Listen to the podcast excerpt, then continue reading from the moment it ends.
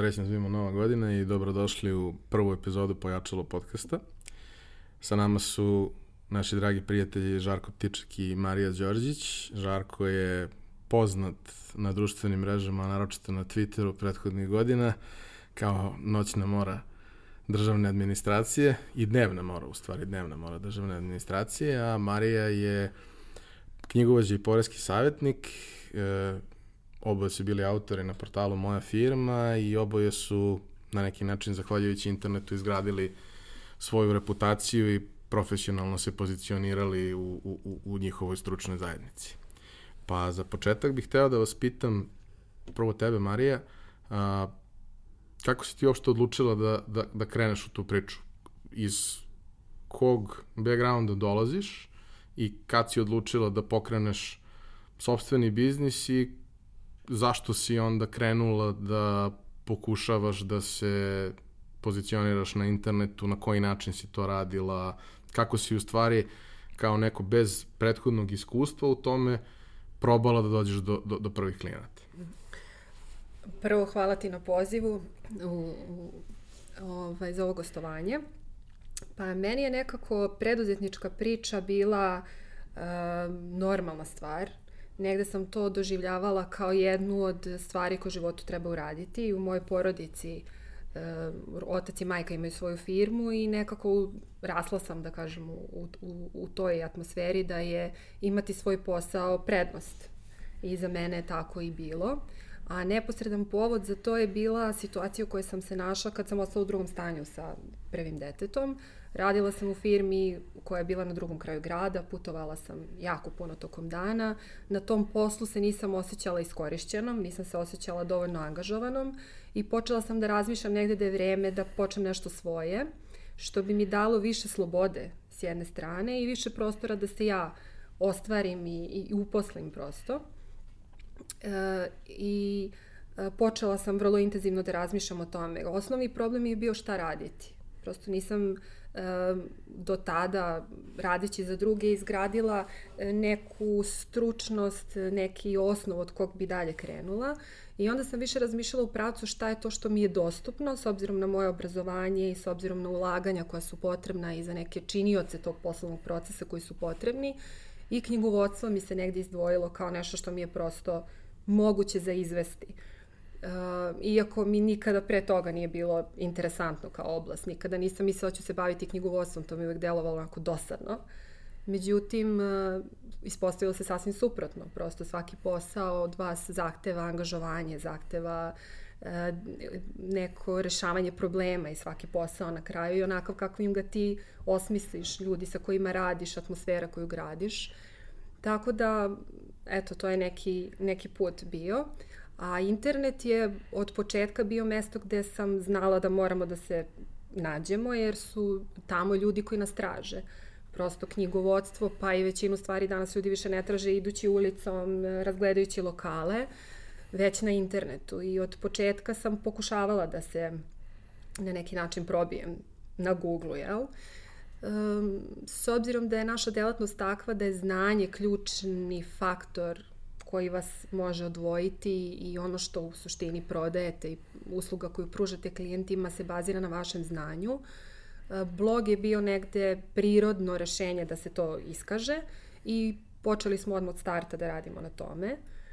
U prethodnim, na prethodnim poslovima mi je često bio problem da dođem do besplatnih informacija iz domena računovodstva i poreza. Kad sam se ja susretala s nekim novinama i trebale su mi neke informacije, bilo mi je jako teško da do njih dođem. Uh, Pokušala sam nekad preko institucija, pa se to uglavnom završavalo e, sačekajte da vas preusmerimo i tako dalje. Nisam tu uspevala da dođem do nekih informacija. I ovaj, negde, to svi, svi ti, da kažem, faktori su se um, presekli u tu ideju da, da počnemo sa blogom. A u početku smo sve i svašta probavali. Probavali smo i male oglase i direktnu poštu i pokušavali smo da nađemo neke niše koje su manje popunjene kako bi došli do prihoda koji su nam u početku bili potrebni, ali je blog taj koji je bio dominantan i koji nas je i, da kažem, um, pomogao da se razvijemo i da dođemo do najvećeg broja klijenata. Sa, na neki način tvoja priča je slična, iako i kod tebe postoji ta komponenta pisanja, deljenja znanja, odnosno stavljanja na raspolaganje nekih uh, upotrebljivih šablona, pisanje nekakvih uputstava, davanje ljudima nekakvih uh, alata kako da neke administrativne probleme reše i kako da se u nekim situacijama postave.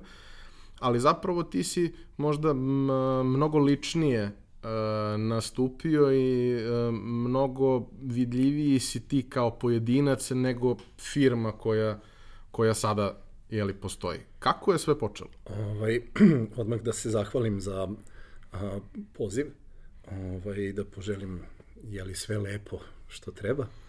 A, počelo je tako što e, ja moram da priznam ovaj, ja a, sam znao sve vreme šta hoću da radim ali nisam znao kako.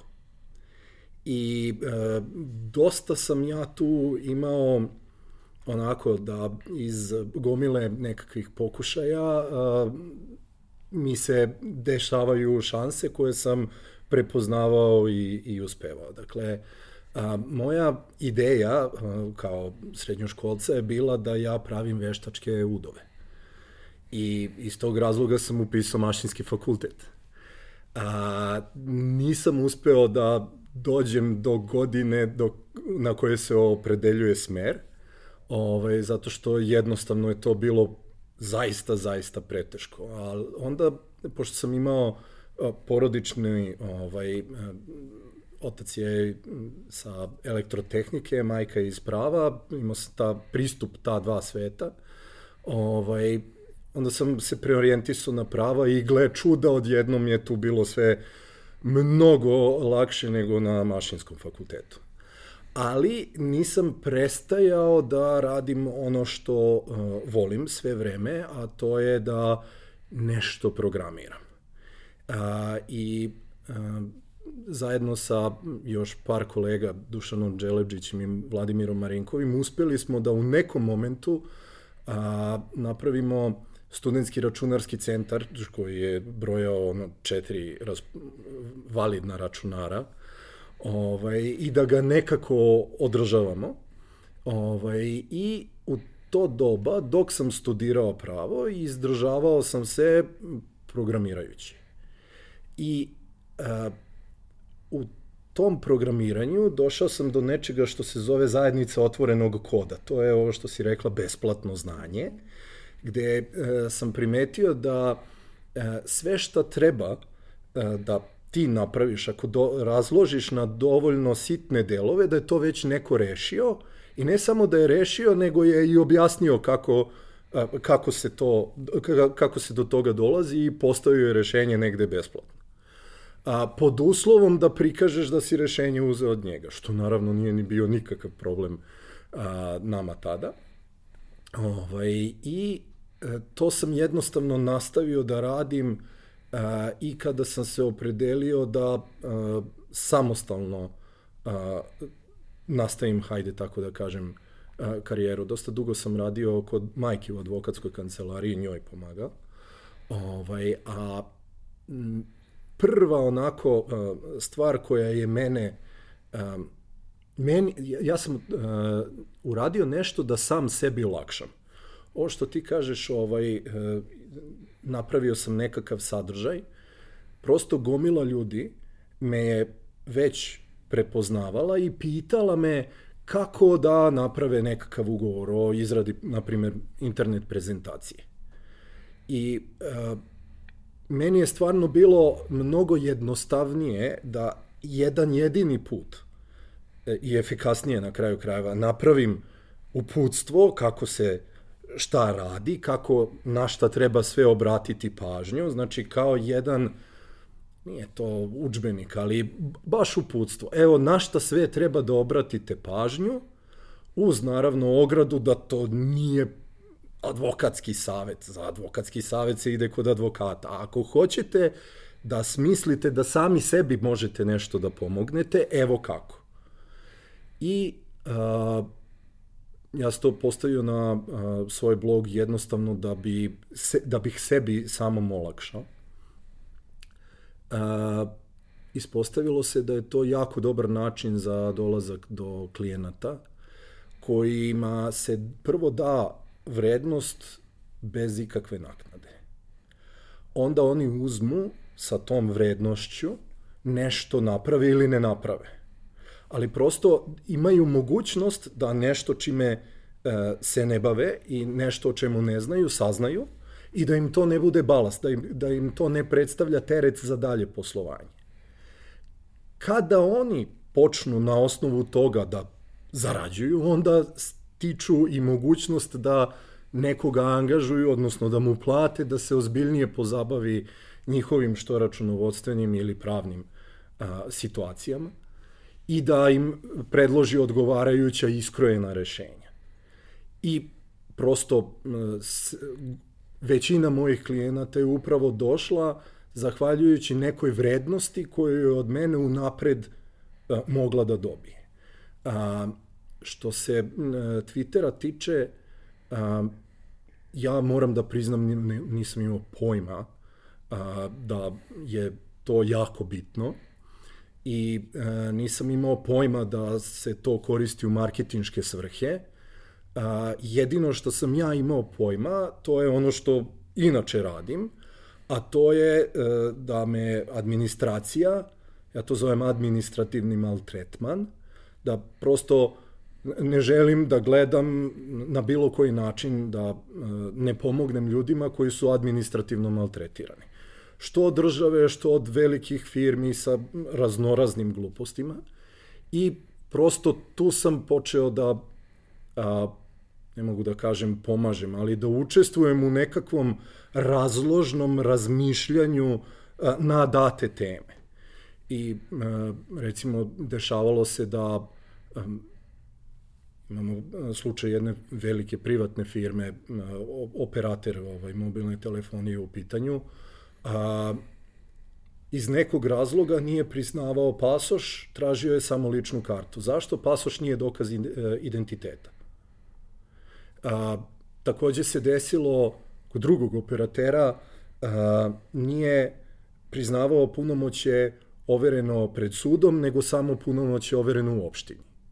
Prosto, im citirate član zakona po kojem je ovo identifikacioni dokument, po kojem e, punomoće, odnosno overa ima adekvatnu e, vrednost, pravnu vrednost i upotrebljivost i pozovete se na to. I onda njihove reakcije su bile takve da je to proizvodilo željeno dejstvo. Prosto u konkretnim slučajevima su se dešavala konkretna rešenja. I kada dovoljno dugo puta i, kako da kažem, pomognete, kada dovoljno dugo a, dajete takva rešenja, odnosno predloge rešenja i kada dovoljno razumno pristupate određenim problemima, onda se desi da ljudi sami počnu da vas prepoznaju kao nekog ko može da im daje takva rešenja i nadalje. Ja kažem ništa u marketingu, nikakav, ni, ni, ni jedan SEO nikada nisam odradio. Nikoga nisam platio da nikakav post nisam nigde boostovao. Komplet ništa od ovoga. Znači, jesmo slični, ali ovo se baš razlikuje. Ovaj, e, samo jednu stvar sam radio, a to je u okviru svojih mogućnosti davao neka svoja razmišljanja na datu temu. I to je, to je bilo to. Ne kažem da je to dovoljno um, za rast i razvoj firme i tako dalje je možda ne, nešto drugo potrebno. A, ja se držim samo ovoga što ja znam i kada se malo pređe ta granica, na primjer kada se neko pravno pitanje pretvori u računovodstveno pitanje, ja kažem, ja dalje ne sam školovala. Izvolite ima ko jeste, e, pitajte e, dalje, ja o ovome ne znam ništa. I mislim da je jedna specifična vrednost što ako vi nešto znate, možete da širite to znanje, a ako nešto ne znate, onda recite da ne znate ili recite da ćete da saznate. Ali nemojte ljudima da tumačite nešto što ne znate kako funkcioniše. A danas zaista nije problem, govorim danas, evo, drugog dana 2019. godine, nije problem da se nešto od administracije uh, unapred sazna. Prosto imamo tehničkih sredstava, imamo načine kako da pitamo i tako dalje. Dakle, uh, taj deo samih početaka, eto, ne pravimo ovaj, veštačke ruke i noge, ovaj, ali sam imao prilike da radim na uh, jednom ugovoru koji je bio za uh, izradu određenih delova kojima se prave veštačke ruke i noge, tako da, eto, ovaj, to, je, to je neki moj razvojni puteljak. Uglavnom, kada pričamo na, na ovako neke teme i kada se, da kažem, postavljamo marketinški u situacijama gde klasično oglašavanje možda ne može da pomogne na pravi način ili jednostavno ne postoji kao mogućnost. Vrlo često se ljudi upravo okreću ka tome da s jedne strane proizvode sadržaj koji postavljaju besplatno ili proizvode deo sadržaja koji je dostupan besplatno, deo sadržaja koji se može kupiti po nekim uslovima, a druga, drugi deo toga je upravo učešće u zajednicama gde su ljudi koji su okupljeni oko neke konkretne teme. Na neki način, u suštini jedno i drugo ste prirodnim putem došli do, do tako nečega. E sad, kada ste počinjali da radite, znali ste otprilike šta vaš posao podrazumeva, ali se to vremenom, siguran sam, menjalo i usložnjavalo i to je možda taj moment koji, koji si ti pomenula da e, delovalo kao veoma e, dosadno i, i nezanimljivo, na kraju se ispostavilo da je prilično dinamično i komplikovano. E, vrlo često i zbog toga što neke stvari se ostavljaju jeli, slobodnom tumačenju, a to nikad nije idealan scenario. Ovaj, a, kako je to zapravo izgledalo? Kako je izgledao taj, taj trenutak kada, kada u nešto krećeš, uh, svakako si, ajde neću da kažem uplašen, ali na oprezu i pojavi se nešto što ti je strano i što ne znaš kako da, mm -hmm. kako da rešiš u tom trenutku.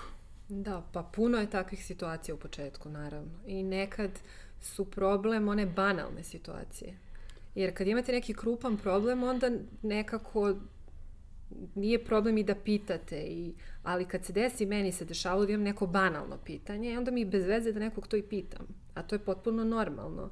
Nekad mi se, nekad mi se činilo da bih volela da sam radila, recimo, da sam prošla kroz taj proces negde pre toga, pa da kao znam kako se neke stvari rade.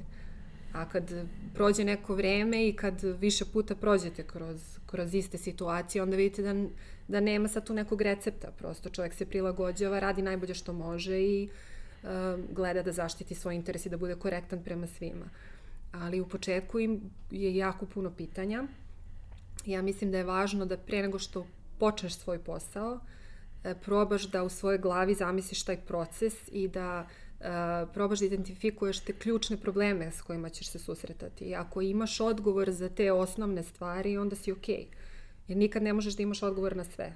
I to je sasvim ok, krenuti, krenuti tako. Jer ako bi čovjek čekao da sve zna i da na sve ima odgovor, onda nikada ne bismo počeli bilo koji posao.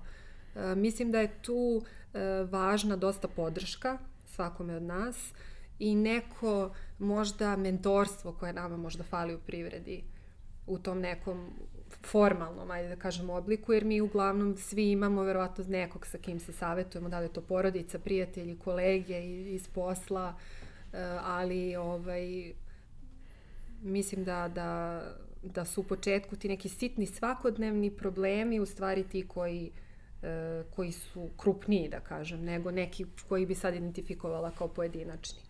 U svakom slučaju, eh, to je neka svakodnevna borba i čovjek treba bude istrajan u tome. Ne treba e, misliti da ćeš za šest meseci imati toliko prihoda da ćeš sve troškove pokriti i ostvariti neke svoje finansijske planove. to je mnogo e, postepeniji i sporiji proces uh, i samo treba se boriti, ne treba odustati, treba pokušavati. Um, ne samo iz svog, nego iz iskustva klijenata. Nama je mnogo više, mnogo veće, da kažem, učešće onih firmi koje su novoosnovane pa dođu da im vodimo knjige nego firme sa dugom tradicijom, tako da negde i njihova iskustva su nam uh, bliska, odnosno upoznati smo sa njihovim razvojnim putem. Dešava se, nažalost, da neki poslovi koji, barem iz mog ličnog viđenja, imaju perspektivu uh, zbog nekog nestrpljenja se završe, završe se, likvidiraju se firme jer nekada ljudi uđu sa idejom da će za šest meseci ili godinu dana se to razviti i krenuti. Tako da mislim da je taj moment jako važan, da čovjek to dobro proceni i da, da istraje.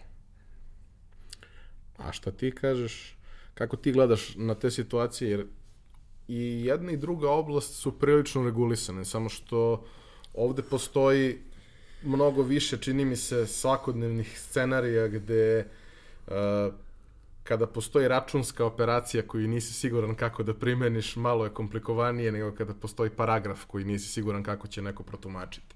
Kako, kakva je situacija kod tebe zapravo? Šta se, šta se dešava? To tumačenje nas ubije. To tumačenje nas potpuno ubije. A, problem koji ja vidim je preterana regulacija svega. Znači, mene čudi da do sada nemamo zakon o hodanju po ulici. Kako se ponašati na trotoaru i pravilnik o, o levim i desnim nogama. Znači, zaista je to toliko usitnjeno, naročito za određene delatnosti u kojima ja ne vidim razlog zašto se ovaj to radi. Ali to nastrano. Od toga pate manje više sve države koje pretenduju da budu pravne. Um, ono što jeste kod nas problem, a, to je što isti tekst različiti odgovorni ljudi različito tumače. I vi možete, imao sam taj primer a, pre nekoliko godina je bilo, možda 6 7 ovaj, radila se likvidacija firme, istovremeno dve firme, jedna sa sedištem na Starom gradu, druga sa sedištem na Novom Beogradu. I sad, dokumentacija koja treba da se donese, na Novom Beogradu traže da se donese original PIB, porezki identifikacioni broj, morate da im predate na Starom gradu ne. Ja sad pozovem Stari grad i pitam, na Novom Beogradu traže original PIB, zašto vi ne tražite? Oni kažu, ja ga likvidiram u bazi, ne treba mi vaš PIB, taj papir ostaje samo kao papir. Dobro, ne mrzi mene, pozovem Novi Beograd. Na starom gradu ne traže, zašto vi tražite? Zar ga ne likvidirate u bazi?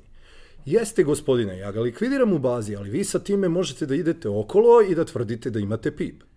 Sad zovi ponovo stari grad. Dobar dan, budite ljubazni ali jel ja mogu sa time da idem okolo i da tvrdim da ima PIB? Oni kažu, ne, on je likvidiran u bazi i da, da, da, da. I sad vi imate isti grad, opštine iste, potpuno različit set dokumenata za istu pravnu stvar. Ovo je samo jedan vrlo jednostavan primer. Uh, ono što mi ovde imamo je da u okviru iste opštine službenici koji sede jedan do drugog različito tumače stvari zato što im je šef različito rekao. Odnosno, šef im je rekao isto, samo su oni drugačije razumeli. I a, to je problem koji se pojavljuje u praksi. Najjednostavnije rešenje je prosto da sačekate smenu. Ponovo predate kod nekog družgu, drugog službenika ili ako možete na nekom drugom šalteru i tako dalje. Dakle, a, mo, to je jedan od načina rešavanja problema. Drugi način rešavanja je, je po, po, imate problem gde neko neće da vam primi nešto. Imali smo nemogućnost da još, su, još nije postojao CROSO, a, treba da se prijavi zaposleni developer.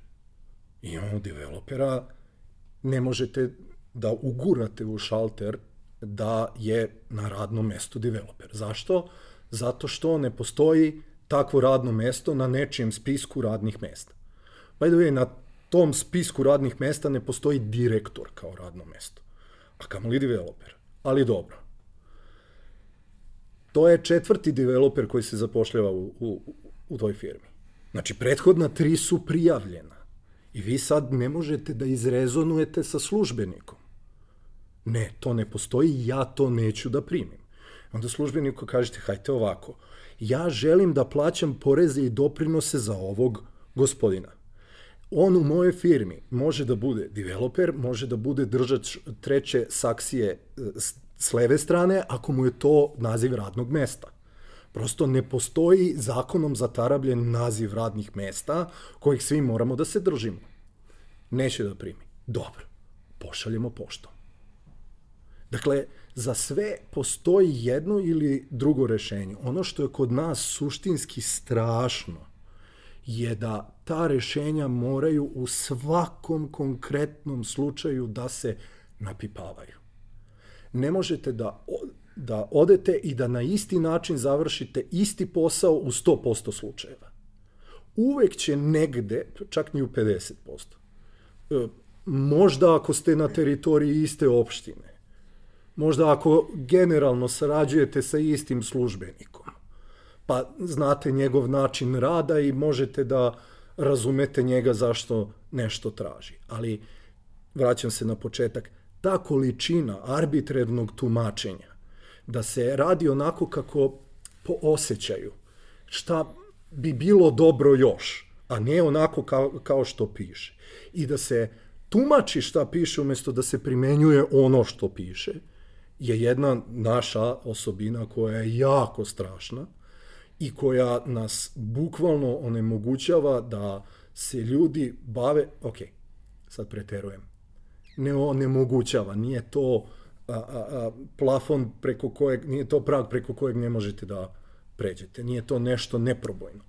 Ali e, količina energije e, koja je potrebna da se izgubi na, na rešavanje tih jednostavnih stvari je e, po, prosto ponekad takva da ljudi ostanu sa ove strane praga i kažu znate šta, ne, ja neću da dozvolim da budem maltretiran od strane drugih, ne zanima me, neću svoj posao, neću, neću ništa drugo. Ja imam tu prednost zato što moj posao je da idem i uh, probijam uh, takve blokade, pa kada sam sam pravio sobstvenu firmu, onda sam imao aha, unapred sam znao šta treba da napišem, ne znam, u odluci o osnivanju, da ne bih morao da koristim pečat i takve te stvari. Dakle, znate unapred caki. A neko ko to ne zna, može da se desi da, kako kažem, lakše odustane od nekog svog zacrtanog cilja ili da mu se oduzme toliko energije na ono popunjavanje papira, negde radom za klijente sam primetio je nešto što je opšte za celu državu, to je e, vi, bilo kao građanin, bilo kao privredna, privrednik, podrazumeva se početno stanje vaše je da tu nisu čista posla. Nešto ste vi zeznuli a onda gomilom papira dokazujete e, vašu nevinost. I to, to cela država nam je tako uh, postavljena, uh, mindset svih koji učestvuju u procesu je takav, šta si ti skrivio? Daj, ne, mi ćemo da pronađemo šta si ti skrivio. Umesto da podrazumevana vrednost bude ok, niko nije skrivio ništa dok se ne dokaže da je skrivio, ne, vi, ovo mora da je neka prevara. Ovo, šta, internet? Ne. To, na internetu su prevare, ne može.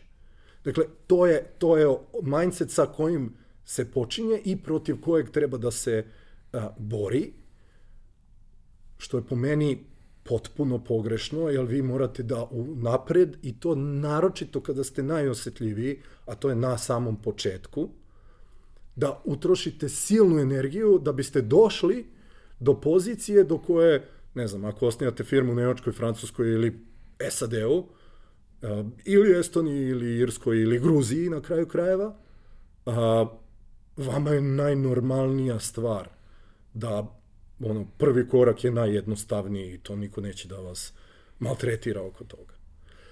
A, od 2000-te, od, kad se ja ovim bavim, do dana današnjeg, a, jeste učinjen napredak, a, administrativno je to sada dosta lakše, ali se način, mentalitet se uopšte nije promenio. On je identičan. I to je ono što, na šta ljudi koji tek žele da počnu ovim, da se bave sobstvenim biznisom, moraju da obrate pažnju, moraju da računaju a, na to da će ih svako s kime stupaju u kontakt gledati kao, e, kao na neprijatelja, ali kao na ono teškog smarača, šta ti hoćeš? Šta, ja, Znaš ti koliko je to posao? Znaš ti kao, sad treba da, ko će da ti prepisuje to? I, I tako dalje, i tako dalje. Kako nije legla u, amba, vi ste nešto pogrešili, i tako dalje, i tako dalje. I gotovo uvek, gotovo u svakoj situaciji, iako znaš iskustveno da nešto može, default odgovor je da nešto ne može. Tako je. I Tako je. onda se ide na više instance, onda se troši neka energija koja realno ne bi trebala da se troši.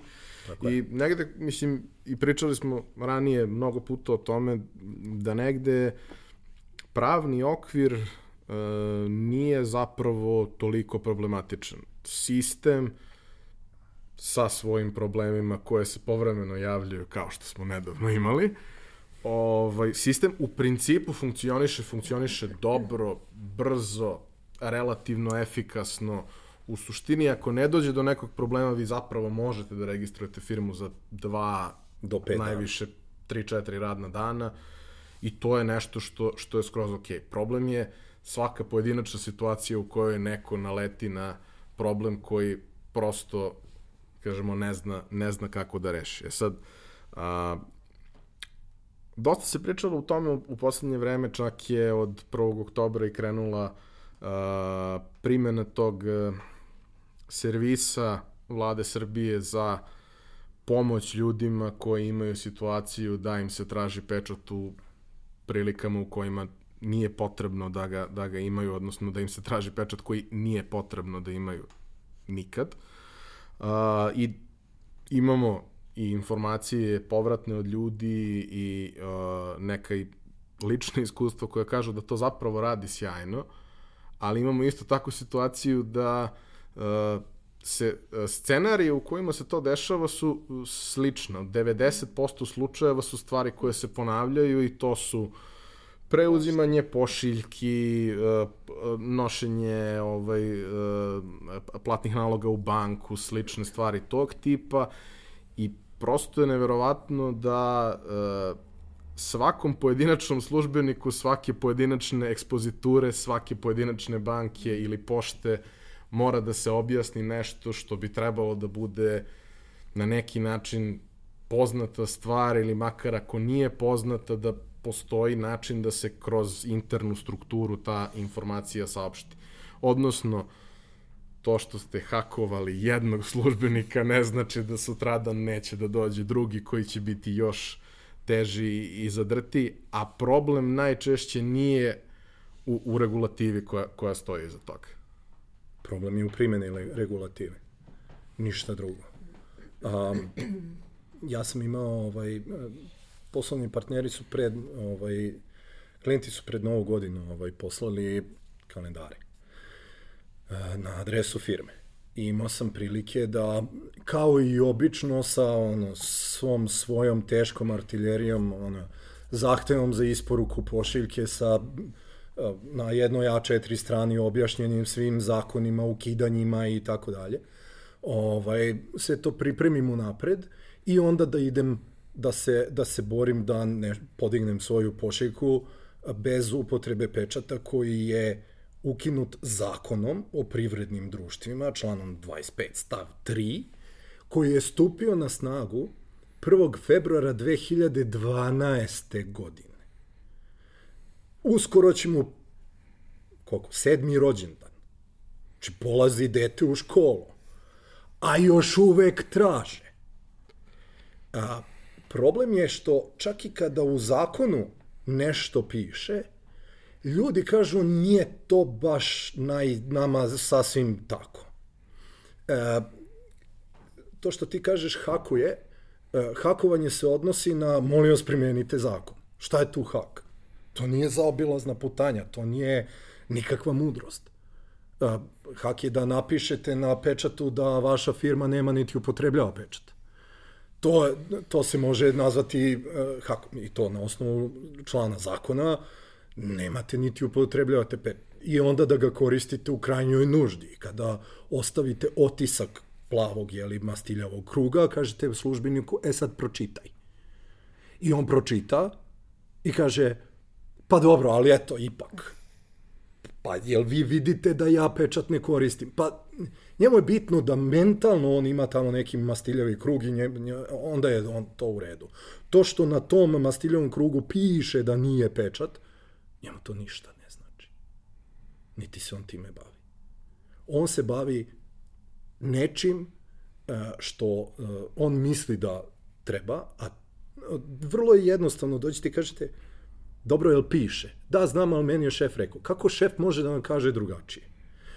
A, u pošti, konkretno, prilikom preuzimanja, službenik pošte je rekao, a, parafrazirat ću, da, znate, ali to je ipak država. Te sam ja rekao, potpuno se slažem. Vi radite za državu. Vi ste na braniku otačbine. I čuvate pravni poredak. Onako kako je Skupština Republike Srbije propisala. I vaš posao nije ni malo lak, je li tako? Tako je. I šta piše u zakonu, da li treba pečat ili ne? I odjednom, čovek, taj koji radi na šalteru, on je i dalje samo čovek, nekako oseti da je on na braniku otačbine ukoliko poštuje zakon. I e, stavi mu se u, u njegovu vizuru ispred njega da je država njega angažo, njega lično angažovala da sprovodi volju zakonodavca. Na tako besmislenom primeru kao što je otisak pečata. I vi onda dobijate, e, prosto vidite kod službenika kako se menja raspoloženje i kako ista argumentacija odjednom počinje drugačije da deluje. Ja sam tamo predao ovaj svoj zahtev, oni nisu umeli da ga prime. Nisu znali kako da zavedu zahtev. Meni je e, šefica tamo rekla da ona nije ovlašćena da primi zahtev. Ja kažem, hoćete poštom da vam pošaljem vama? ne razume zahtev, samo mi potpišite ovde da ste primili naš zahtev. Oni su primili zahtev, obradovali su se zato što su tamo imali pravno obrazloženje, ta šefica je otišla kod nadšefice ili koga već, uglavnom kada se vratila, rekla je ovom službeniku da mi bez pečata isporuči moj kalendar. Čemu 35-minutni maltretman nekoga ko misli da je čuvar zakona, koji pritom ne poznaje zakon, a kada mu se predstavi zakon kao takav, misli da to eto ipak treba, nije to baš zakonodavac tako mislio, ja ne znam. Ja ne umem da, da, da objasnim tako nešto. Ja e, iz svoje vizure, ako piše ne treba, ne treba. Ako piše treba, treba. I to je to. Ne, e, e, naći opravdanje da nešto, pazite, sve što treba da uradite da ne tražite ljudima nešto. Lakše se sprovede. Evo sada imamo do 25. decembra po zakonu o sprečavanju pranja novca i finansiranja terorizma, sve banke, sve računovođe, sve se svi su bili u obavezi da od svojih klijenata prikupe izjave o tome da li su funkcioner ili nisu. Da li su ti njihovi klijenti imaju status funkcionera ili ne. I u zakonu je objašnjeno šta se smatra statusom funkcionera, šta ne.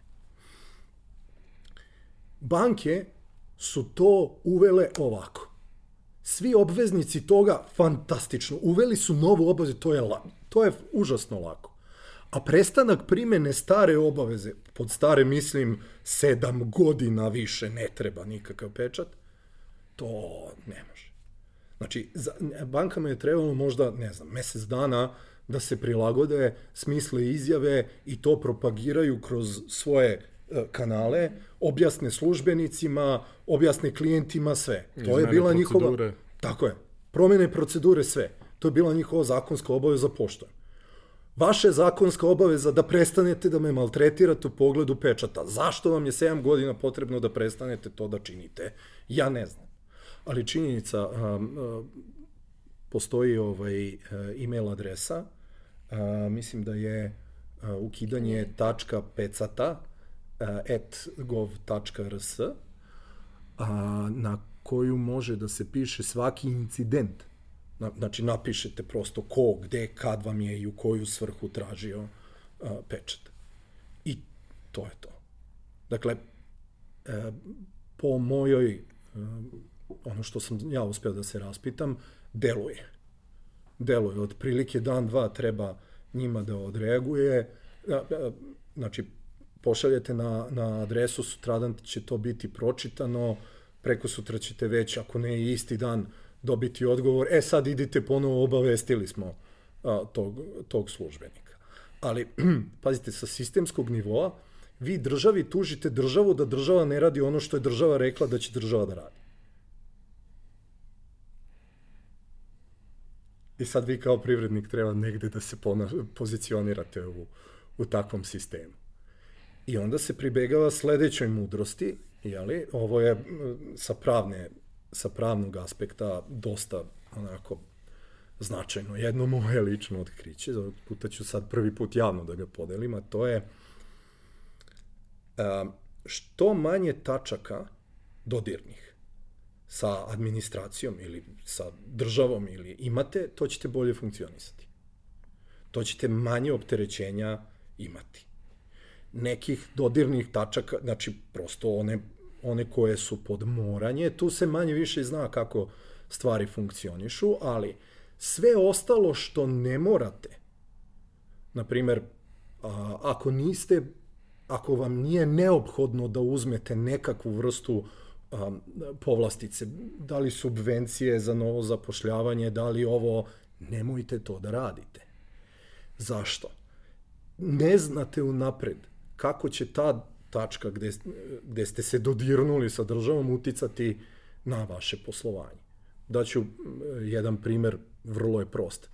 Preduzetnik je uzeo, konkurisao je, odnosno, da li je bila prva šansa ili neko, neki od vladinih programa novog zapošljavanja, ovaj, i zaposlio je ljude uslov je bio da dve godine moraju da budu zaposleni kako bi ostvario, pravo ti ćeš bolje da mi mhm. kažeš, 65% manje od poreza, je, i, poreza i doprinosa je država jeste. Mm -hmm. U tom dvogodišnjem početnom periodu.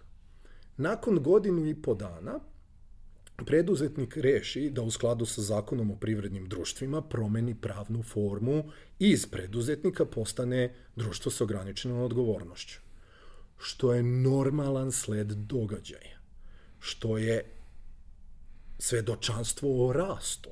Evolutivni proces. No, najnormalniji. Da je on saznao, ukoliko se to desi, moraće da plati za godinu i po dana a, svu razliku koju mu je država. Zašto? Smatra se da krši ugovor. Pritom, u zakonu piše da se time nastavlja pravno sledbeništvo. APR izdaje potvrdu, znači poseban dokument gde kaže pravni sledbenik preduzetnika tog i tog je društvo sa ograničenom odgovornošću to i to. Dakle, imate dokument, imate papir kojim možete da odete bilo gde, u banku, u poresku, bilo gde i da kažete ja sam pravni sledbenik preduzetnika. Menja se PIB, menja se matični broj i to je u redu. Ali zbog toga što se negde administrativno, tehnički menja broj, bez obzira što postoji potvrda o pravnom sledbeništvu sa jednog broja na drugi, oni kažu, nama je žao, ali vi gubite tu mogućnost. Ništa, u konkretnom slučaju sačekalo se šest meseci, nije bio toliki vremenski period, ne mogu da kažem da nije uticalo na poslovanje, ali je bilo značajnije da se ispoštuje taj uslov koji je bio propisan, koji vi niste mogli ni da pretpostavite. Nigde u dokumentaciji ne piše zabranjena je promena pravne forme iz preduzetnika u DO. To nigde ne piše. Izgubit ćete subvenciju, aj tako jednostavnije da kažem, ukoliko promenite pravnu formu. I to ne možete da znate unapred. To niko ne može da vam kaže unapred dok ne dođete do takve situacije i dok se ne raspitate, odnosno dok ne dođete do konkretnog zida u koji ne treba da udarite glavu. I takvih ima na svakom ćošku. Neću da kažem vrebaju, ovaj, ali e, razna tumačenja, razna... Sve što izlazi van redovnog šablona ponašanja, istovremeno je i jako super, zato što ako se ponašate kao i svi drugi, dobijat ćete isti rezultat i tu nema ništa novo i nećete uspeti da zaradite. Ako otvorite pljeskavičarnicu, pored pljeskavičarnice neć, ništa niste uradili. Druga stvar koja se dešava, to je odmah nailazite, aha, ovo vidimo prvi put, jeste dozvoljeno, ali tu nisu čista posla. Zašto? Pa ja ovo nikad nisam video. I to je to i onda ide sva ona energija u objašnjavanje i, i tako dalje o kojoj smo pričali. Dao sam par primjera, ovaj, ja funkcionišem u, u, u primjerima, ovaj, ali generalno to je neki savet. Ako ne morate da imate posla sa državom Srbijom ili sa bilo kojom administracijom bilo koje firme, veće, pošto one funkcionišu na vrlo sličan način prosto ima gomila ljudi sistemi su inertni i potrebno je da se neka promena propagira e, duže vremena nego inače. Dakle, dok ne dođete ovaj, do, do tog nivoa da možete već e, finansijski da rizikujete ili pravno da rizikujete, nemojte da imate dodirnih tačaka, ako vam to nije apsolutno neophodno. Takođe, i ovo je neka, neka preporuka, nemojte vaš biznis bazirati na uh, subvencijama ili na pomoći uh, drugih ili na, uh, ne znam, dobroj volji nečije. To nije poslovanje. To jednostavno nije poslovanje. Do znanja možete da dođete na jedan ili drugi način, ali nemojte da očekujete da ćete uvek imati mogućnost za subvenciju. Ok, super, radili ste dve godine, imali ste subvenciju, uh, pozapošljavali ste ljudi, imate posla i šta kada prestane subvencija? Je li dalje možete da funkcionišete ili ne? Ako ste započeli biznis samo da biste iskoristili neku povoljnost koju vam država daje, bolje vam je da imate izlaznu strategiju u smislu da znate u koji je to moment kada je vaš biznis realno isplativ, jer ova a, povoljnost samo krivi tržište, do duše, za početak u vašu korist. Ali u krajnjoj instanci na vašu štetu, ako ne računate sa time. Ako ne računate sa time. Jer odjednom, istekom dve godine, odakle tih 65%? Do sada je pokrivala država, a sad ko će? Ako ne, niste napravili da možete da isplatite, ne, nemojte, zatvarajte odmah. Da, u suštini svrha toga nije da e, da neku vrstu e, trajne podrške, već da Tako da je. da e, vremensko, vremenski period u kome treba da se izgrade kapaciteti da to postane uh, održivo, ajde da tako kažem. Ili barim da se vidi da li se od toga može napraviti adekvatan biznis ili ne. Ili barem, ba, znate, uzmete pa probate. Pa ako ne ide, ne ide, ali a, barem znate da ste probali, a, da, ako ste probali sa nekom povoljnošću, što da ne, ali znate da to ne bi onda išlo ni bez te povoljnosti. Prosto imate tu informaciju. Tvoje iskustvo je takvo da većina biznisa koji, koji ti postanu klijenti su novosnovane firme. U suštini, jeli, knjigovođa je jedan od najbitnijih spoljnih saradnika koje firma može da ima i ljudi, osim ako ne moraju zbog nekog lošeg iskustva ili nekog drugog razloga, u principu ne žele da menjaju knjigovođu.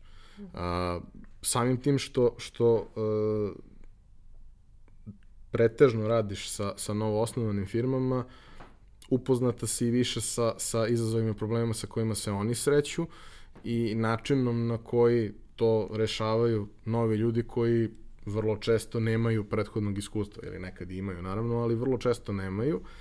A sa druge strane, e, svesna si i nekih problema koje vi kao knjigovođe imate u saradnji sa ljudima koji ne razumeju na koji način funkcioniše sistem.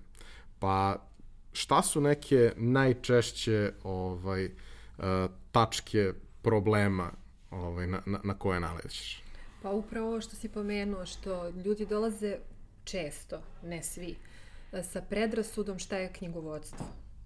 Jer, recimo, imaju iskustva sa tim šta knjigovođa njihovog prijatelja radi za novac koji prijatelj njemu plaća.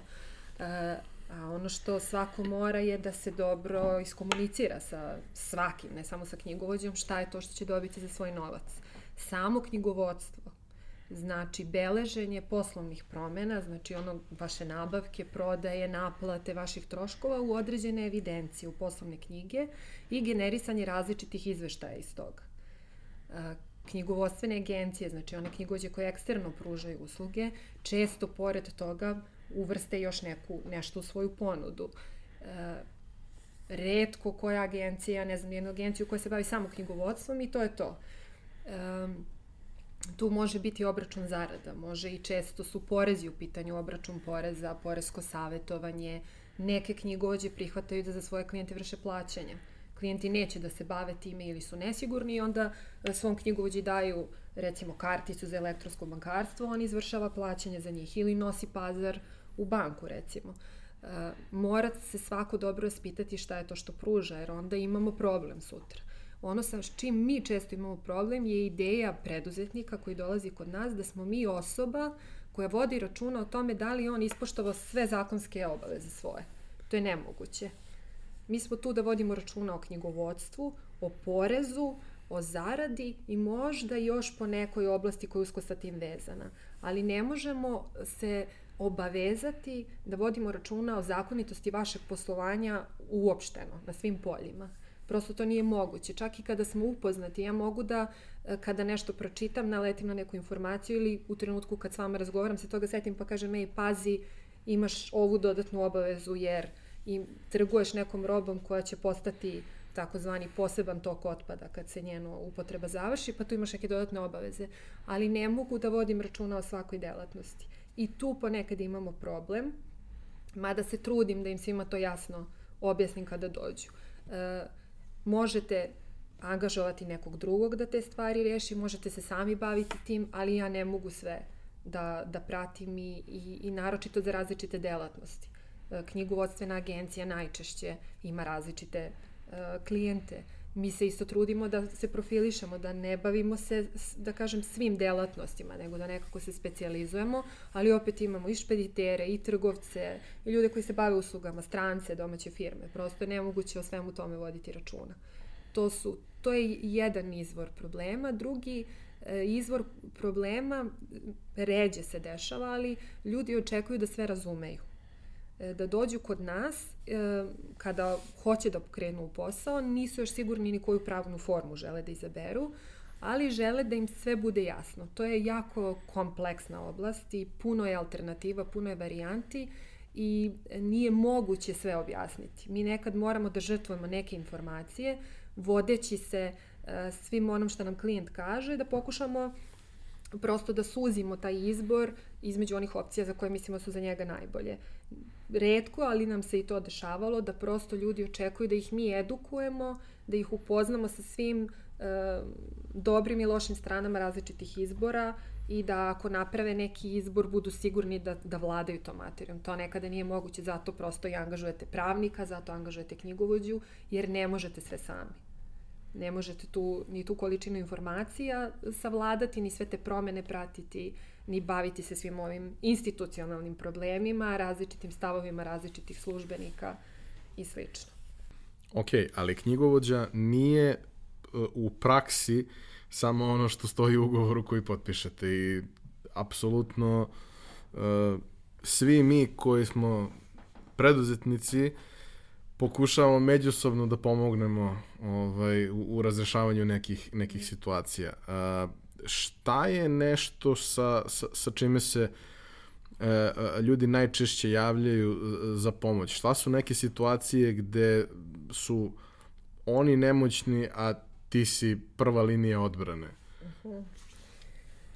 Pa, najčešće pitanje koje dobijamo je oko izbora pravne forme. I po, ono što najviše ljude zanima je poreski tretman nečega što planiraju. Ako si na to mislio. Okay. Ovaj, znači imaju neku ideju, e, planiraju da, da krenu u to, ali ih interesuje kako će izbor forme uticati na troškove poreza. Jer ljudi troškove poreza vide kao neku neminovnost. I često još uže me pitaju koji su to troškovi koje ne mogu da izbegnu. Ok, ovaj porez zavisi od mog rezultata, a šta je to što moram da platim i ako ne budem dobro poslovao? Što je ok, rezon. Ako ti ne ide dobro, šta sve i dalje moraš da platiš? I to je onako najveća, najveća grupa pitanja. A tu smo za svakodnevne stvari. Od toga nedavno se desilo da recimo preko ovog crosa ko, koji je Žarko pominje, sistem nije funkcionisao i morali smo da nosimo prijave na šalter i jedna naša klijentkinja je želela da se prijavi kao osnivač van radnog odnosa, što je sasvim legitimno. Međutim, to je bilo oko 1. oktobra kada su na snagu stupile nove olakšice za preduzetnike. I moja, moja konstrukcija šta se tamo desilo, službenica na šalteru je pomešala te stvari i nije dozvolila ženi da se prijavi. Ona je rekla da ne može više da se prijavi kao osnivač van radnog odnosa od 1. oktobra. I onda e, to na, naravno pravi problem klijentu, pravi problem i nama, jer mi smo ti koji pružamo informacije i sada u očima klijenta vrlo često institucija jača od mene on će prvo pitati da li si ti sigurna šta si mi rekla, da li si ti to pročitala, e, da nije možda se nešto desilo umeđu vremenu da ti nisi informisana.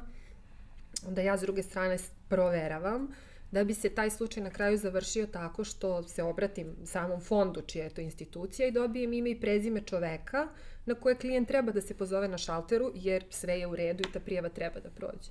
I tako se i završi.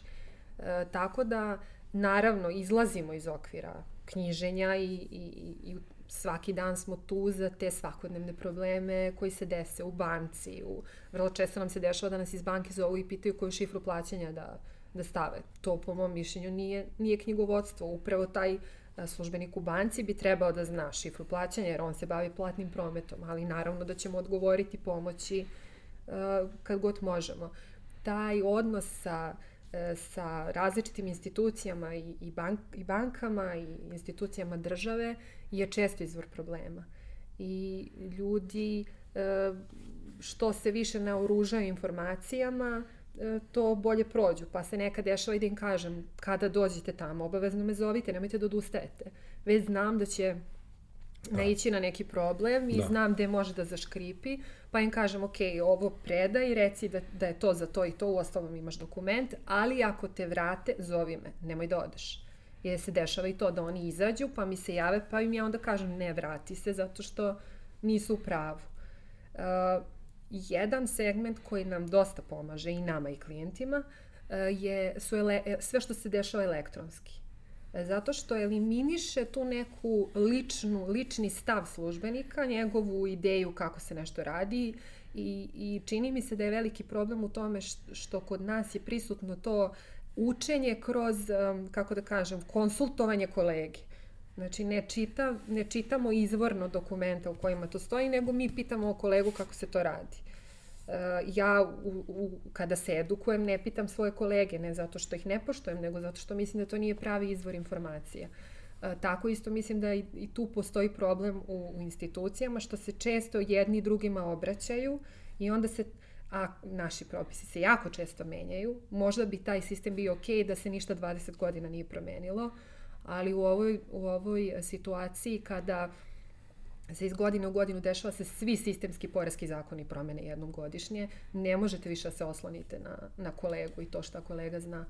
Tako da ovaj, Eh, elektronske prijave su donekle taj problem rešile, jer tamo neki računar, jel, kako ja to zamišljam, je setovan da moja prijava prođe ako ispunjava neke uslove. I meni su pravila igre unapred poznata. Ta nepoznata pravila igre mi prave i meni kao pružaoc usluga i klijentima veliki problem. Jer postoji jako veliki broj ljudi koji želi da ispuni E, sve zahteve koji se tiču poreza, koji se tiču zakona, ali nekad deluje da to nije moguće. Jer vi postupate na jedan način, a s druge strane neko ko misli da treba da postupate na drugi način i, i tu ste u problemu. U elektronskoj prijavi vi znate unapred šta treba da ispunite, kako da je popunite i to prolazi. Ovo što Žarko navodi, mi svakog, da ne kažem, nedelje, meseca, imamo situaciju gde jedan službenik se ponaša na jedan način, drugi na drugi način, imaju različite odluke, traže različita dokumenta, eh, odbijaju dokumenta koja su na drugom mestu prošla kao validna i to nisu, eh, to su često krupne posledice. Recimo, nedavno nam se desilo da podnosimo set dokumentacije iz izlazak iz PDV-a kod jednog klijenta na isti način kako je to opisano u zakonu, kako je predviđeno i kako smo do sada svuda radili i nismo imali problem, ali službenik koji je obrađivo taj predmet i smatrao da smo po, pogrešili, odbio je zahtev za izlazak i samim tim klijent je proveo još mesec dana u PDV-u. Dakle, nisu, nisu stvari be, sa nekim, ajde, mislim, sve ima posledicu, ali vrlo su krupne stvari. Dakle, vi imate trošak PDV-a sledećih mesec dana i razne druge obaveze, iako to niste želeli. Uh, a da je, recimo, ta prijava elektronska, to se ne bi dogodilo, jer mi bismo tačno znali koju proceduru treba da ispoštujemo da bi, da bi sve prošlo kako treba. Idemo ka tome da manje više sve pređe na uh, elektronsko mhm. -huh. poslovanje i na elektronsku upravu. Uh, e sad, tu postoji još jedna dimenzija o kojoj nismo pričali, a koja je isto prilično važna.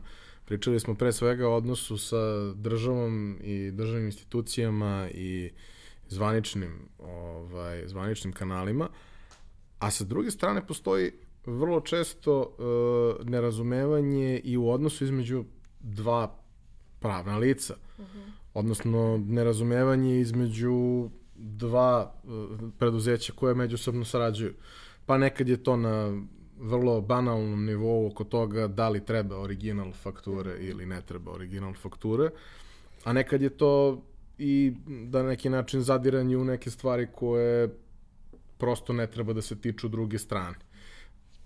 Šta kažeš e, kada je to u pitanju? Koje su neke situacije u prethodnom periodu e, na koje si nailazila, a gde su se stvari nepotrebno komplikovale zbog nerazumevanja druge strane? Pa, imali smo situacije čak i sa kolegama gde je negde uzrok celog problema, ovo što je Žarko malo prepomenuo, kao prevelika regulacija ili i, i intenzivna izmena propisa. I onda uh, ja recimo dobijem dokument od dobavljača uh, gde je recimo se dobavljač pozvao na oslobođenje od PDV-a po određenom članu, recimo sad je aktuelno oslobođenje za građevinsku delatnost. I uh, vidim da se ne ispunjavaju uslovi da se, da se tako nešto primeni. Onda već ovaj, eh, znam da će doći do, do in, problema nekog u smislu eh, da treba da kontaktiram svog klijenta, da klijent kontaktira svog dobavljača, pa onda to dođe i do kolege.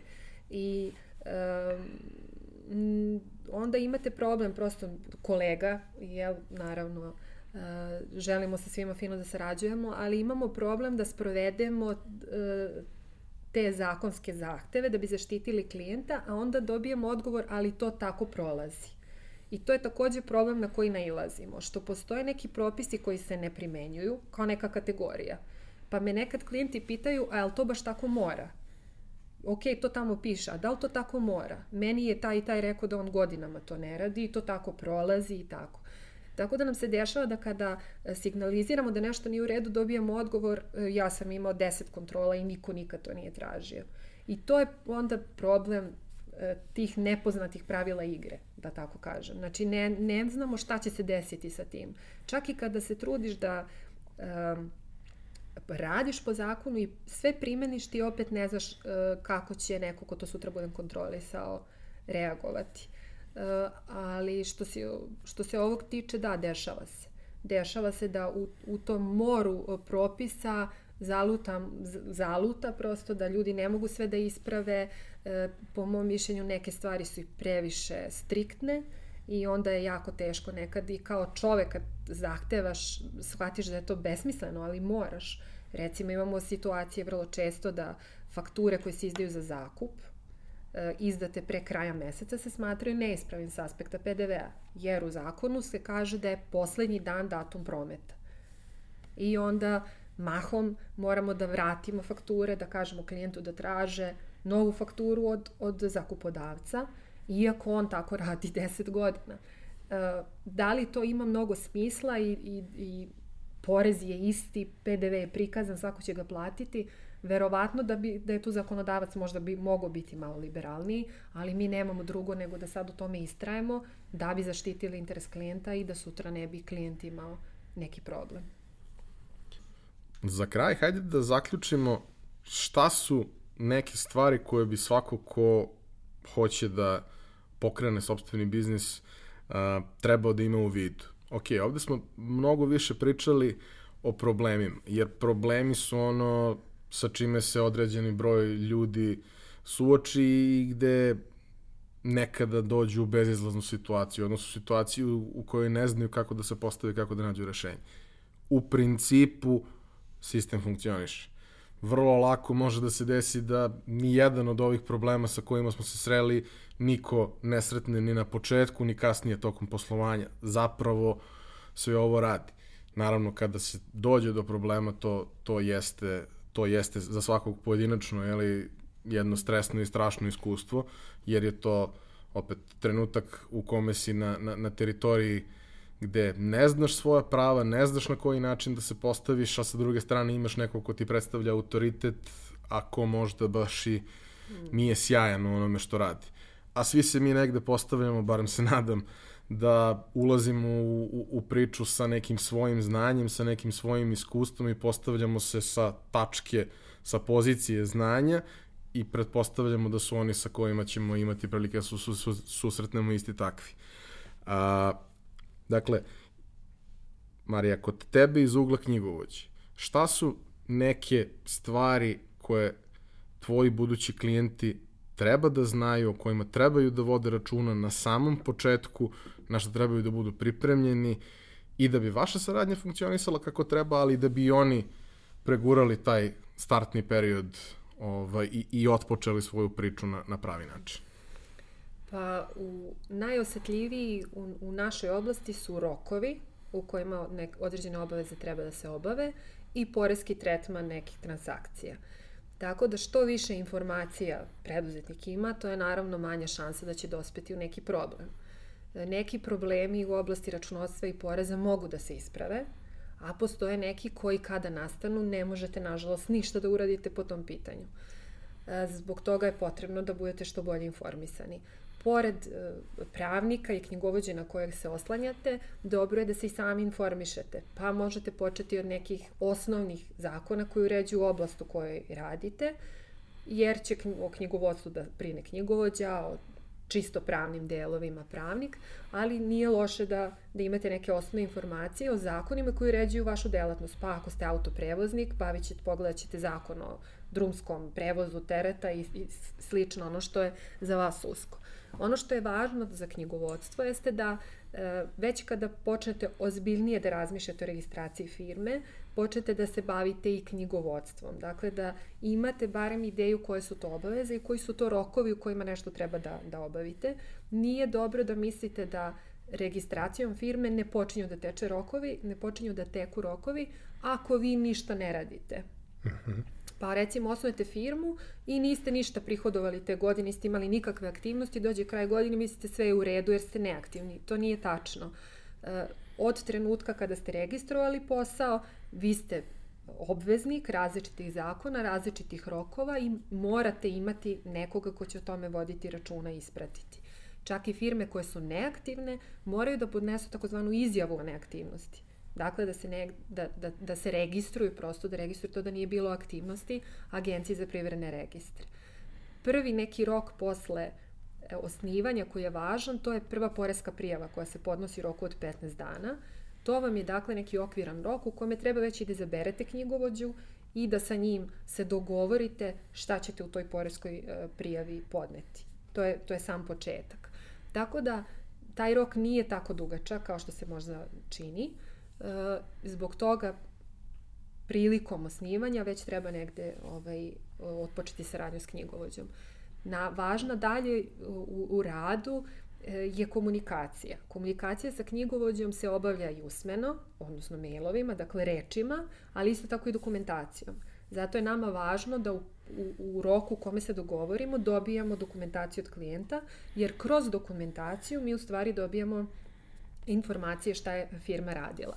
Tako da ukoliko recimo klijent zakonski rok za dostavljanje dokumentacije je 8 dana, odnosno postoje rok od 3 dana da dostavite dokumentaciju i 5 dana da se dokumentacija proknjiži. Dakle, u roku od 8 dana knjigovođe mora imati informacije šta se u firmi desilo. E, ukoliko se to ne dešava, sve se to može nad, stići i nadoknaditi, međutim, to je neki vremenski gap u kome vaš knjigovođa ne zna šta se dešava u vašoj firmi. Pa ne može da signalizira ukoliko se desilo nešto što prouzrukuje neke druge obaveze, neke probleme. Uvek je mnogo bolje da mi dobijemo informaciju pre nego što se nešto desi, pa da sa klijentom porazgovaramo o tome kakve su posledice, kakav je poreski tretman, uvek treba imati u vidu da postoje poreske obaveze koje nastaju danom kada se nešto desi. A to znači recimo kod isplate e, prihoda fizičkom licu, vi se dogovorite sa nekim fizičkim licem da recimo zakupite prostorije od njega, isplatite mu zakupninu i to prođe kroz vaš tekući račun, sutradan knjigovođe dobije izvod, već je kasno. Jer porez morate platiti istog dana kada i zakupninu. Tako da čak i ako uredno dostavljate dokumentaciju, u ovom slučaju ste u prekršaju. Zbog toga je dobro da naročito u početku sa knjigovođom imate intenzivniju komunikaciju, da mu najavite šta sve planirate da radite, kako ćete imati transakcije i da se informišete o posledicama. Ima nekih stvari koje su prosto intuitivne i ljudi negde i bez mnogo znanja u toj oblasti naslučuju da će nešto morati da plate, ali postoje i drugačiji porezi koji su potpuno nelogični sa, iza čoveka koji se ne bavi knjigovodstvom, a i za mene kao knjigovođu. To su recimo porezi koji se javljaju e, zajedno sa troškom. Postoji porez na uvoz softvera, na, na plaćanje autorskih prava na rezidentu i onda mi kao knjigovođe često imamo problem da objasnimo ljudima da e, njima nije jasno zašto bi kada nekom nešto plaćaju, imaju trošak, plaćali i porez. Ali to je takozvani reverse charge, i ovaj obračun poreza i to je tako. Tako da uh, je važna pre svega ta komunikacija, informisanost, kako se ne bi propustili ovaj, ti neki bitni rokovi i kako bi uh, klijent imao ideju o svojim ovaj, poreskim obavezama. Važno kod, za, sam, za samo pokretanje posla uopšte je uh, znati koje su to neke fiksne, uh, fiksni troškovi koji se ne mogu izbeći uh, oni zavise uglavnom od pravne forme koju izaberete. Pa ukoliko odlučite da budete paušalno oporezovan, onda imate porez i doprinose po rešenju. Ako odlučite da recimo osnujete deo firmu i da ne budete, ne zaključujete radni odnos sa firmom, nego budete osnivač, onda su to recimo doprinosi. E, to su e, troškovi koji imate zarađivali ili ne zarađivali i ovaj, to obično preduzetnici i sami odmah pitaju, to, to ovaj, ne, ne propuste. Ali e, različiti, različite eto, poreski tretmani e, i različiti rokovi su najvažniji, u, bar u našoj sferi. U svakom slučaju, u tom prvom periodu najbolje je imati redovnu komunikaciju i komunicirati namere Tako je. da bi se onda pronašao adekvatan modalitet Tako kako je. da se to izvede, jer uvek postoji više rešenja, a kada se nešto desi, onda Onda si faktički već opredeljen za jedno od njih i nemaš manevarski prostor koji Tako bi, je. koji bi možda imao. Tako je. Čak kod recimo ugovaranja i planiranja većih transakcija najbolje da knjigovođa bude uključen od početka. E, Da, da prosto učestvuje u, u svemu tome, jer baš ovo što si rekao, različite stvari mogu se raditi na različitan način i proizvesti različite troškove poreza koji mogu biti deal breaker kad vidiš koliko te to košta na kraju odustaneš od, od tog modaliteta. Ili postoje recimo dve varijante i ti si indiferentan ok ti je jedna i druga, ali jedna ti proizvodi jako velike troškove poreza, a druga je povoljnija, naravno odlučit ćeš se za ovu prvu. Ali ako knjigovođu o tome obavestiš kada si već sve završio, onda knjigovođa ne može da, da pomogne i u samom izboru i, i, i osmišljavanju poslovne konstrukcije. A, Žarko, kada pričamo opet o počinjanju, a, postoji niz nekih pravnih stvari koje svaki posao koji, koji se počinje treba jasno da definiše na samom početku. A, koje su to stvari i koji su neki konkretni saveti koje, koje imaš za, za ljude koji nisu sigurni šta na koji način da regulišu. Naravno, svaka, svaki, svaka situacija je specifična i svaka situacija sa sobom nosi uh, jedinstven set uh, rešenja, Tako je. ali koje su neke generalne stvari kojima, o kojim misliš da treba povesti računa na, na samom početku? Ovaj, potpuno si u pravu e, kada kažeš o, kada se registruje, s tim što za razliku od pazite, registracija u APR-u proizvodi takozvano konstitutivno dejstvo. Vaša firma i vi kao preduzetnik nastajete kada Agencija za privredne registre objavi rešenje na svom sajtu. A, I to se smatra početnom tačkom od koje teku poreske obaveze i tako dalje. Ali ima jedan predregistracioni period gde vi razmišljate o tome e, šta ćete da radite. Ako ste jedan, nije problem. Ako vas je više, može da bude problem. Ukoliko niste međusobno definisali vaše odnose koji će se primenjivati od nastanka a, od registracije konkretne firme. Dakle, ima jedan, hajde tako da slobodno nazovem, predregistracioni period koji se ispostavilo da je jako dobro ako je pravno uređen. Kad kažem pravno uređen, dovoljno je da su mailovima razmenjene e, želje e, učesnika u nekom poslovnom poduhvatu, da bi moglo da se vidi e, šta je to što učesnici žele da postignu. Imamo slučajeve, recimo, najbanalniji primjer je registracija domena. Imate izvanrednu ideju, naravno domen treba da registrujete čim pomislite na domen. Registrovali ste domen, još niste registrovali firmu. Od momenta od kad ste registrovali domen, domen može da glasi samo na nekog od učesnika u tom poslovnom poduhvatu kao fizičko lice. Kasnije, recimo da ste napravili deo tročlano, ne dođe do prenosa domena na firmu. Registrant domena i dalje ostaje fizičko lice. Nigde se niste dogovorili. Nigde e, trošak registracije domena niste preneli na firmu, nigde e, samog, e, nigde niste prikazali firmu kao samog registranta domena. Ukoliko krene po zlu, može da se desi da ta osoba ima ucenjivački potencijal, na primer, za a, izlazak iz firme ili za, za zahtevanje veće dobiti ili tako dalje, samo zato što je igrom slučaja domen glasio na njega ili nju. Dakle, ovo je banalan primer, na, nažalost je crn, ali morao sam da ga istaknem zato što se e, dosta često dešava.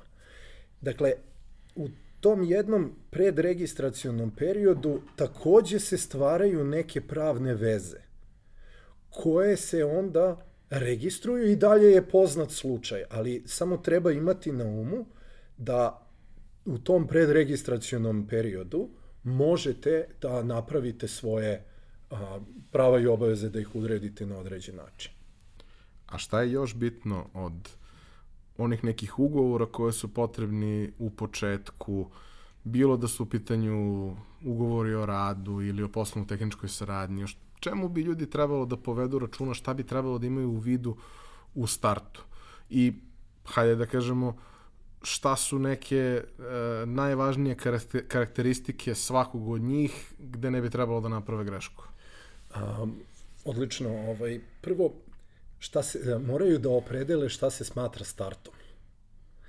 E, pravno je to e, za svakog drugačije. Za nekog se smatra startom onog momenta kada dobiju ideju o nekom proizvodu ili o nekom biznisu i onda krenu da se dogovaraju sa bilo, sa bilo kim. Aha, hoću da imam, ne znam, ovakav domen, hoću, popričao sam sa tobom, ja ću da ti distribuiram tu robu ili nameravam da kupim toliki i toliki šleper, molim te rezerviši mi i tako dalje. Dakle, te sve stvari spadaju, svi ti dogovori e, spadaju u nešto što bi pravno trebalo da bude dobro pokriveno, zato što se radi o stvarima o kojim, od kojih zavisi vaš početak. Takođe, pravno gledano, najbolji moment za samu registraciju obavljanja delatnosti je tik pre nego što dobijete prve pare ali to ne znači da pre nego što ste registrovani ne možete da imate nekakav ugovor. Dakle, tik pre nego što a, zaradite vaš prvi novac je jako dobar moment za registraciju. N nije dozvoljeno da primite novac a, a da niste registrovani za obavljanje delatnosti, to ne savetujemo. A, takođe, nema puno smisla E, da se snose fiksni troškovi dok ne dođe do realizacije prvog posla. Dakle, treba što bliže e, staviti ta dva momenta ovaj, i e, treba voditi računa o sledećim. Imate, hajde tako da kažem, tri osnovne pravne oblasti u kojima delujete. Jedan, e, jedna je unutrašnja organizacija. Dakle, kako ćete sami urediti e, svoje zaposlene, da li ćete e, zapošljavati u smislu zakona o radu i primati ljude u radni odnos, ili ćete unutrašnje, unutrašnju organizaciju napraviti tako da ima eksterne elemente e, tako što ćete outsourcovati, na primjer, računovođu ili pravnika ili programera ili koga god. A, dakle, to je jedno polje. Većina ugovora je propisana kao takva. Zakon o radu imenuje ugovor o radu, definiše njegove elemente. Dovoljno je da pročitate zakon o radu da vidite šta sve jedan ugovor o radu mora da ima. Radni odnos je dosta specifičan, mislim to je predmet koji se na pravima uči godinu dana da biste mogli da ga, da ga savladate. Nemoguće je u par reči reći, ali treba da imate na umu da je to jedan od naj, ako mogu tako da kažem, najsvetijih odnosa koji se uh, u ovom društvu a, e, gleda, Marija se smeje, ali da, zaista je tako, um, radni odnos je popnu, popet na jedan, on se nalazi na jednom pravnom pijedestalu, uh, gde je radnik uh, taj čija se prava zakonom o radu izuzetno štite i jako je loše ne znati koja su to prava radnika, ne samo od poslodavaca, nego i od samih zaposlenih. Dakle, to, ako ste se opredelili za radnopravni odnos, odvojite vreme, unapred se raspitajte kako šta se odvija tim principom. Dakle, s jedne strane imate tu, hajde tako da kažem, unutrašnju or, organizaciju, to je jedno pravno polje. Drugo pravno polje je vaše eksterno delovanje, znači ono što vi imate sa vašim klijentima. A, bez obzira na to da li e, su vaši klijenti potrošači, dakle da li se bavite malo prodajom neke robe, ili su a, vaši klijenti druge firme, vi morate da imate definisan ugovorni odnos sa njima. Takav ugovorni odnos se kroji od slučaja do slučaja. Za svaki onaj a, posao koji želite, najveći broj slučajeva može da se pokrije određenim modelima. Tako da, ako imate, na primjer, potrošače ili ako a, određenu vrstu, recimo, usluge pružate firmama, vi možete da izradite model ugovora prema kojem ćete e, nastupati ka svakom od vaših klijenata. Tako da imate unificirano vaša prava i obaveze i taj model kasnije kroz rad možete da unapređujete i tako dalje.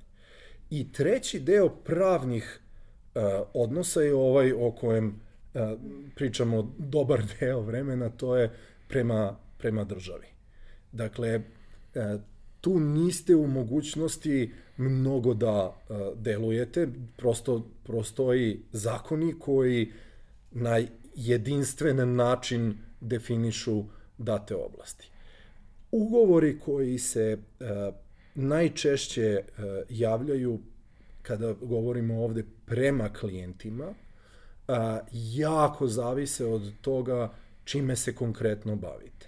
Ali postoje određene kategorije a, pravnih odnosa koje zakon direktno uređuje na određen način. Pomenuo sam malo pre a, trgovinu, a, trgovinom na malo. A,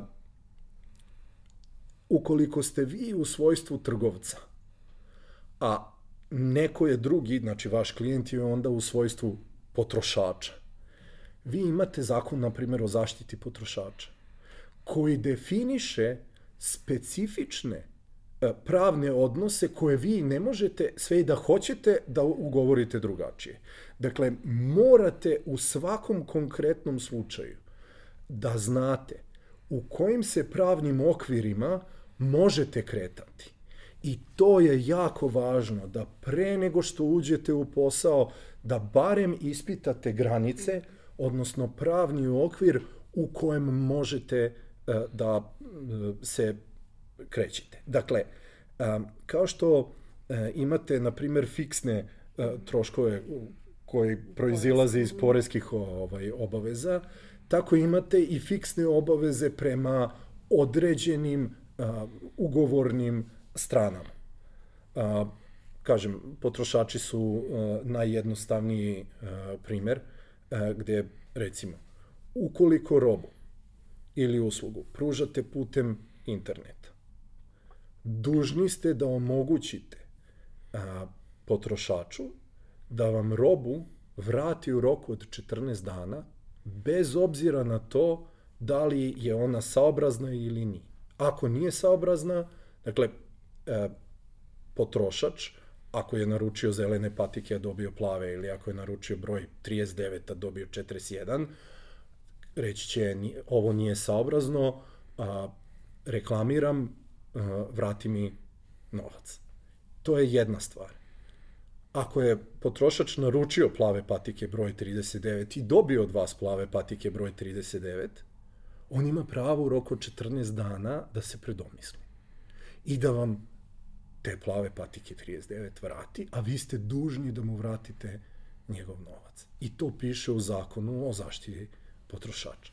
I vi sada, ako imate a, odnos a, prema vašim klijentima, koji god oni bili, koji nije u zakonskom okviru, vi rizikujete, makar a, svi vaši potrošači pristajali da nikada vam ne vrate robu. To ne znači da vi postupate u skladu sa zakonom. E, imate mogućnost da dođete na takozvano polje lažne sigurnosti koje je, e, obično su nepisana pravila i obično su to, pa on to tako radi već godinama. Kod nas ne važi precedentno pravo, to što godinama neko radi pogrešno ne čini e, tu radnju ispravnom. I ono što je jako važno, to je da unapred znate koje su granice vašeg kretanja u pravnom smislu i da onda u tim granicama vidite šta možete da uradite. Ovo jako zavisi od delatnosti do delatnosti. Neke delatnosti su jako regulisane, na primjer, ako želite da imate apoteku. Postoji tačno šta sve morate da imate, kako se radi, kako šta se. Ako želite da se bavite, ne znam, proizvodnjom stilskog nameštaja, to je onda neki drugi set pravila. Ali u svakom slučaju morate sa ova tri polja da prikupite informacije koji je to okvir u kojem a, možete da se krećete. I pazite ovo, niko bolje od vas samih neće rukovoditi vašim biznisom. E, računovodstvo i prava su tu samo da vam ukažu na određene aspekte vašeg biznisa na određene mogućnosti ili odsustvo istih mogućnosti. A to da li ćete uspeti sa nekim da konkretno ugovorite nešto, zavisi od vaših pregovaračkih veština a, i od vaših, a, ajde tako da kažem, a, trenutnih mogućnosti, a manje zavisi od toga da li e, imate na strani pravnika ili nemate. Takođe, e, jako bitna stvar, e, ovo je trebalo možda ranije da pomenem, nisu svi ugovori formalni. Kod nas je dosta zastupljeno mišljenje da je ugovor samo ako piše da je ugovor, ako je to na papiru i ako sadrži potpise što je još gore, neki misle da ugovor proizvodi pravno dejstvo samo ako je overen kod notara. A sve ostalo da ne važi kao da se nije ni desilo. To je potpuno netačno. Zakonom o obligacijnim odnosima definisano je načelo koje kaže svi ugovori, znači načelo je neformalnosti. Svi ugovori su neformalni. To znači da se mogu zaključivati bez bilo kakve određene forme. Znači mogu usmeno, mogu pisanim putem, mogu dimnim signalima, mogu na bilo koji način. Ugovor nastaje onog momenta kada dođe do saglasnosti volja o bitnim elementima ugovora. Zakon ne kaže ukoliko dva ili više lica potpišu. To nije moment nastanka ugovora. Zakonom se samo za određene vrste ugovora propisuje forma zaključenja. I ti ugovori se zovu formalni ugovori. Svi ostali su neformalni i jedino ste u problemu ukoliko formalni ugovor, dakle ugovor za kojim je zakonom propisana forma zaključenja, pokušate da zaključite na neformalan način.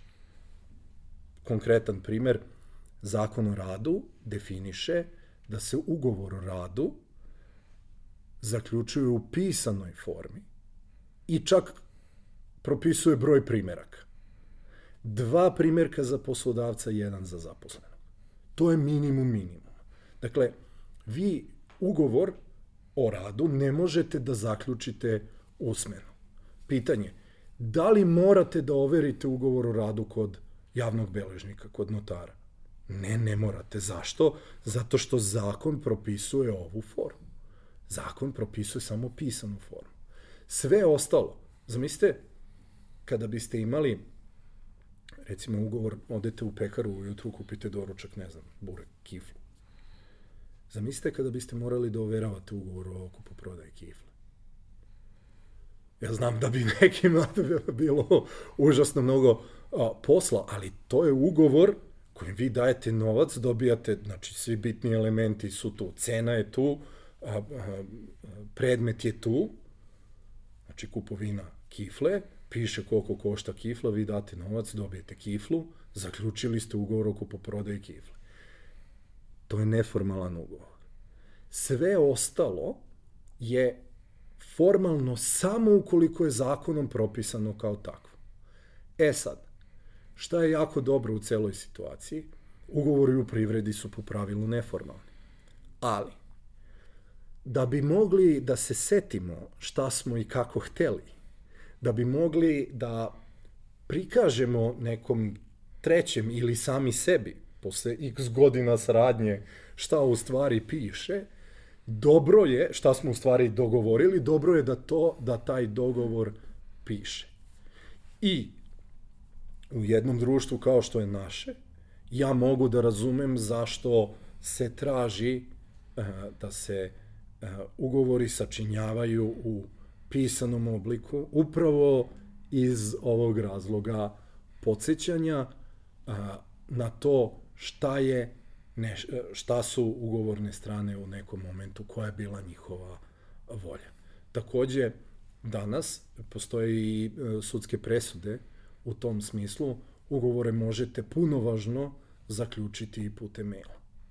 A, zakon o elektronskom dokumentu daje punu pravnu a, snagu a, i dokumentima koji su nastali u elektronskom obliku. Tačnije, ne može im se oduzeti pravna snaga i dokazna validnost samo zato što su nastali u elektronskom obliku. Ako vi razmenite mailove o tome da želite da kupite kiflu, e, do, do, došao bih, treba mi 20 kifli, cena ta i ta, i vaš pekar vam odgovori ok mailom, to je ugovor o kupovini kifle bez daljeg.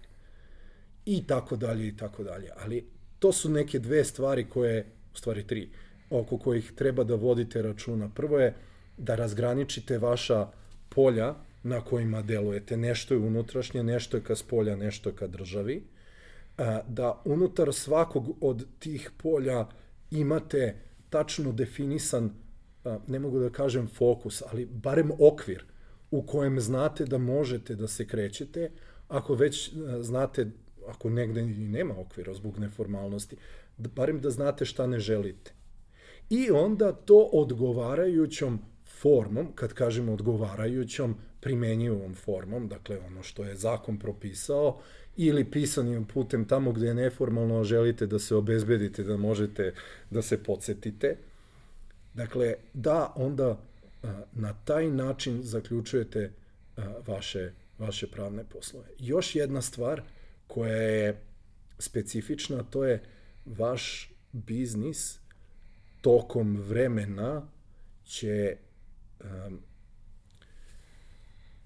imati kao produkt dosta prava i obaveza. I vrednost vašeg biznisa u nekom momentu može biti sagledavana od strane neko, na primjer, želi da kupi ili uloži u vaš, u vaš biznis. Poslaće da se radi due diligence. Poslaće neku knjigovođu, neku advokatsku kancelariju, ne, da pregledaju šta je to što ste vi radili, da li je to a, ono što vi predstavljate da a, prodajete ili da li je to ono, onaj predmet investicije. Na ovaj način, ako se krećete u zakonskim okvirima i ako imate ugovor, upravo dokazujete šta je to što imate, ali i samim tim podižete vrednost vaše kompanije. Zato što bilo ko, u bilo kom momentu može da uzme i sagleda trenutno stanje da vidi, aha, ovde imamo neke neizvršene obaveze, ovo nam je u toku, a, ne govorim sad o računovodstvenim, govorim o pravnim veličinama, dakle, aha, možemo da računamo da ako završimo ovaj projekat da ćemo dobiti još toliko para i tako dalje i tako dalje. Dakle, to su stvari na koje se na početku, ako se krene od početka, da se obraća pažnja, neverovatno koliko se time podiže sama, sama vrednost tog vašeg biznis poduhvata. Hvala Žarko. Hvala Marije. Ovo je bila prva epizoda. Sa nama su bili Žarko Ptiček i Marija Đorđić. Prvi put, ali sigurno ne i poslednji. A, molim vas sve da pošaljete svoje komentare na ovu epizodu i teme koje, koje smo obradili i da pošaljete predloge o čemu bismo mogli ponovo da pričamo sa njima ili sa nekim drugim gostima, kao i da predložite koga, biste, koga bismo mogli da pozovemo u, u nekoj od narednih epizoda. Hvala.